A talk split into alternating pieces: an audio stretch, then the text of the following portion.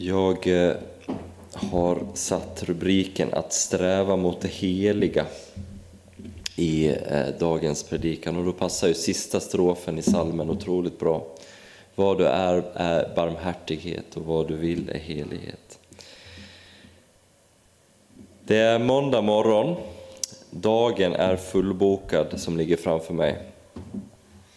Och så visar det sig att barnen har feber frustrationen och stressen stiger och eh, det, de där orden som jag fick med mig på, på gudstjänsten dagen innan, de är långt bort. Hur man ska leva heligt och hur man ska eh, tänka att tron bär genom allt. Det är bara frustration och stress. Hur ska jag få ihop det? Ska livet verkligen snurra på så här? Ska det vara så här? Och hur får jag ihop det här med min tro på Gud? Den goda kampen, eller i alla fall kampen. Idag ska vi fortsätta på den väg som vi började för två veckor sedan, eller en och en halv vecka sedan, på askonsdagen.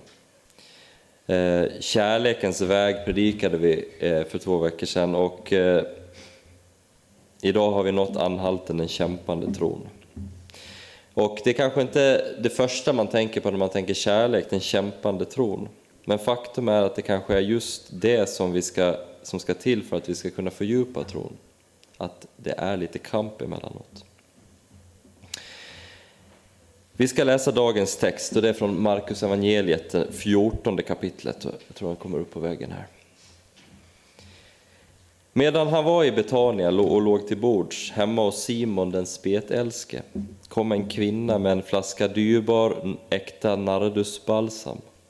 Hon bröt upp flaskan och hällde ut allt sammans över hans huvud. Några blev förargade och sa till varandra, vilket slöseri med balsam! För den eh, oljan hade man ju kunnat få mer än 300 denarer att ge åt de fattiga. Och de grälade på henne. Men Jesus sa, Låt henne vara. Varför gör ni henne ledsen? Hon har gjort en god gärning mot mig och det fattiga har ni alltid hos er och dem kan ni göra gott mot när ni vill, men mig har ni inte alltid. Hon har gjort vad hon kunde. I förväg har hon sörjt över att min kropp blev smord till begravningen. Sannerligen, överallt i världen där evangeliet förkunnas ska man också berätta vad hon gjorde och komma ihåg henne. Så lyder Guds evangelium. Lovad vare du, Kristus. Att våga vara annorlunda, att våga sticka ut. Det tycker i alla fall jag kanske är det absolut svåraste som finns. I synnerhet kanske i vårt svenska samhälle där alla ska ha det, vara lika. Alla ska ha det lika bra, lika dåligt. Ingenting ska sticka ut. Då får man en sned blick eller en, eh, ett rynkande ansikte. Och vi medikaliserar och vi diagnostiserar de som är olika för att de inte fixar den intensiva vardag som vi har skapat. Vi seg- och, och, vi segregerar och är noga med att nej, men om inte man tycker som vi, då hör man inte hemma här. Då får man inte komma hit. För om man tycker annat, då kan det vara farligt, det kan vara hotfullt. Vi måste ju faktiskt måna om vårt, eller? I dagens text dyker en kvinna upp som går tvärs emot. Som gör det här äh, som är annorlunda, som vågar sticka ut. Maria, och i ett annat evangelium lär oss att det är Maria från Magdala som äh, enligt liksom, eh, traditionen man kopplar ihop det är eh, Lazarus och Martas syster. Som vi också har hört i andra texter när hon är den som sitter vid Jesu fötter. Hon lyssnar till Jesu ord. Hon vill vara nära Jesus. Men det första perspektivet som jag vill backa tillbaka lite grann till, det är vart Jesus är någonstans när han möter, när Maria kommer in till honom. Han är hemma hos Simon den spetälske. Och eh, för er som kan er bibel så vet ni att de spetälska, de, var ju, de fick liksom inte leva med de andra. Alltså, liksom de såg som, som orena, som smutsiga, som fick befinna sig utanför stadsmurarna. Och där, de, de kunde man ju verkligen inte vara. De var de marginaliserade, de var de segregerade, de var de som, som man inte ville ha att göra med. De föraktade, de förkastade. Där var Jesus. Och sen i det här sammanhanget så dyker då alltså Maria från Magdala upp.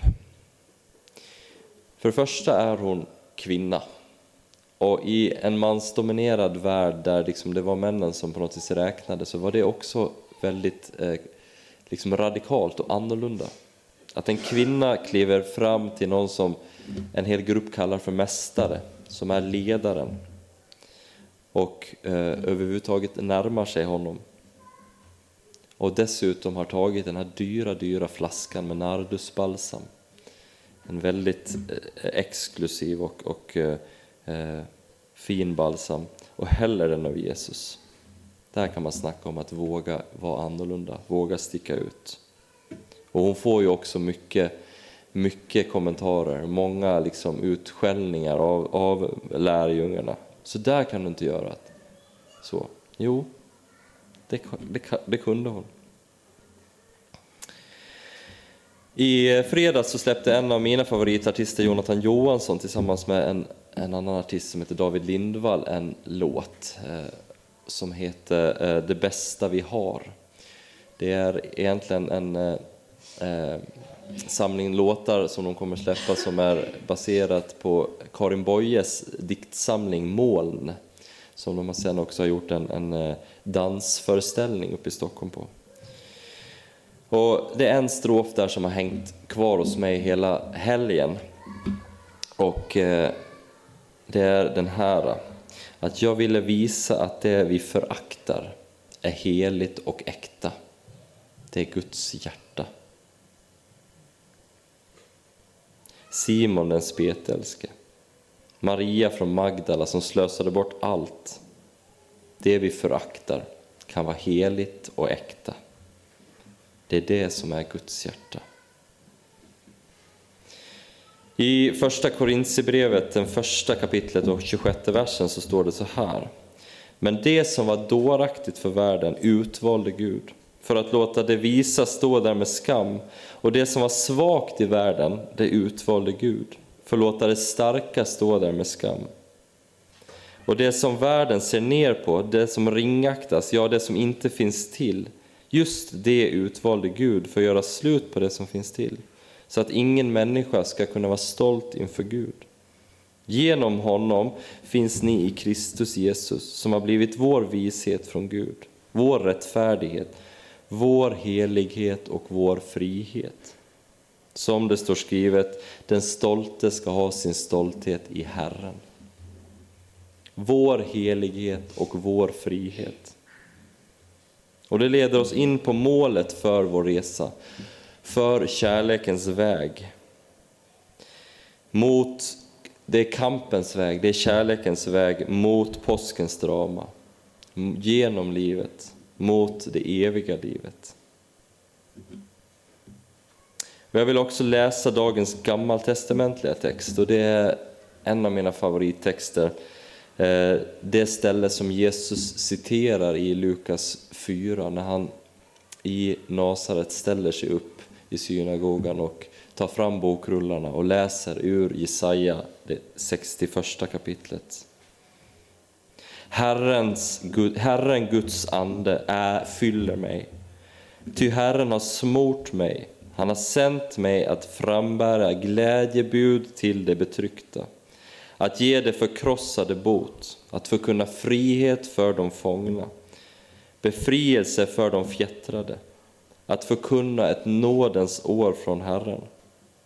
En hämndens dag från vår Gud, att trösta alla dem som sörjer, att ge de sörjande i Sion huvudprydnad istället för aska, glädjens olja istället för sorgdräkt, lovsång istället för modlöshet, det ska kallas rättfärdighetens träd som Herren planterat för att visa sin härlighet.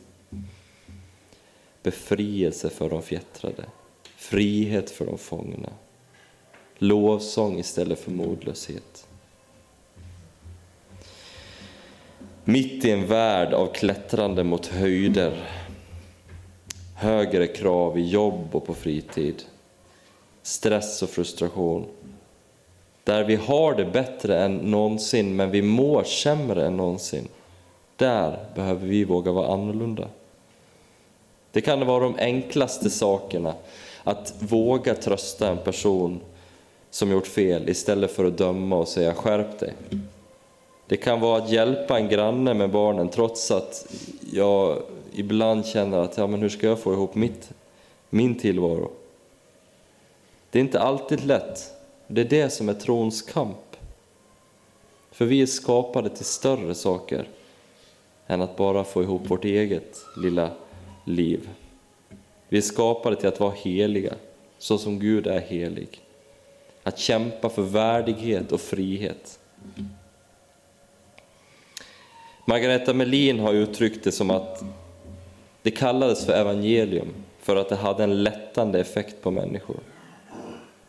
Och det är det som är den kämpande tron, att med Jesu hjälp förmedla det glada budskapet, evangeliet, så att det har en lättande effekt på människor. Tänk att ha den, få den kommentaren, jag kände mig lättare efter jag hade pratat med dig. Att vägra fastna i modlöshet, utan att göra som Maria från Magdala, trots att det kostar allt. Överösa det som är heligt och äkta med det dyraste balsam. Med vår kärlek, med vår kraft och med vår energi. Så vad tar vi med oss in i veckan som kommer när måndagsmorgonen dyker upp och eh, vabben kommer? Jo, börja dagen med att rikta tanken och hjärtat mot Gud. Oavsett du känner för det eller inte, oavsett du har en lång andakt eller om du bara har ett suckande Jesus förbarma dig, så börja det, dagen med det. Våga sticka ut. Istället för att kritisera, uppmuntra. Istället för att falla i modlöshet, uttrycket, ja, kanske trotsigt halleluja. Kämpa den goda kampen tillsammans. När det är tungt, be om hjälp, ring en vän, dela er kamp med varandra. Jag vill avsluta med ännu en låttext, den här gången av Thomas Andersson Vi, som sammanfattar här, den här kampen och hoppet framför allt. Det är från en sång som heter Vi är värda så mycket mer. Du säger livet är en enda kamp för värdighet och jag tror jag förstår vad du menar. En kamp för kärleken, guden inom oss. En kamp för det som lyfter och förenar. Politiker, media, kanaler utan vatten, allt har ett pris, men allt saknar också värde. Från kyrkan på berget strömmar tonerna och det är sången vi en gång lärde oss. Om en rikedom större än den här världen ger. Vi visste det då, vi är värda så mycket mer. Amen. Tack Herre för att du är med oss i kampen. Tack för att kärlekens väg och den kämpandes väg, den kampens väg, är densamma. Tack för att vi får kämpa för att kärleken ska ta mer plats i den här världen. Hjälp oss att se det och hjälp oss också att ta hjälp av dig och av varandra när vi, när vi hamnar i svåra och tunga situationer. För du har gått före. Du har kämpat den goda kampen. Du har varit lydig ända in till, kors, till, till döden på ett kors. Du vet vad smärta är. Du vet vad kamp är. Du vet vad kärlek är. Så hjälp oss att se det och hjälp oss att i nattvarden som vi strax ska fira också få ta emot av, av den kraft och liv som du ger. Det ber vi om i Faderns och Sonens och den heliga Andes namn. Amen.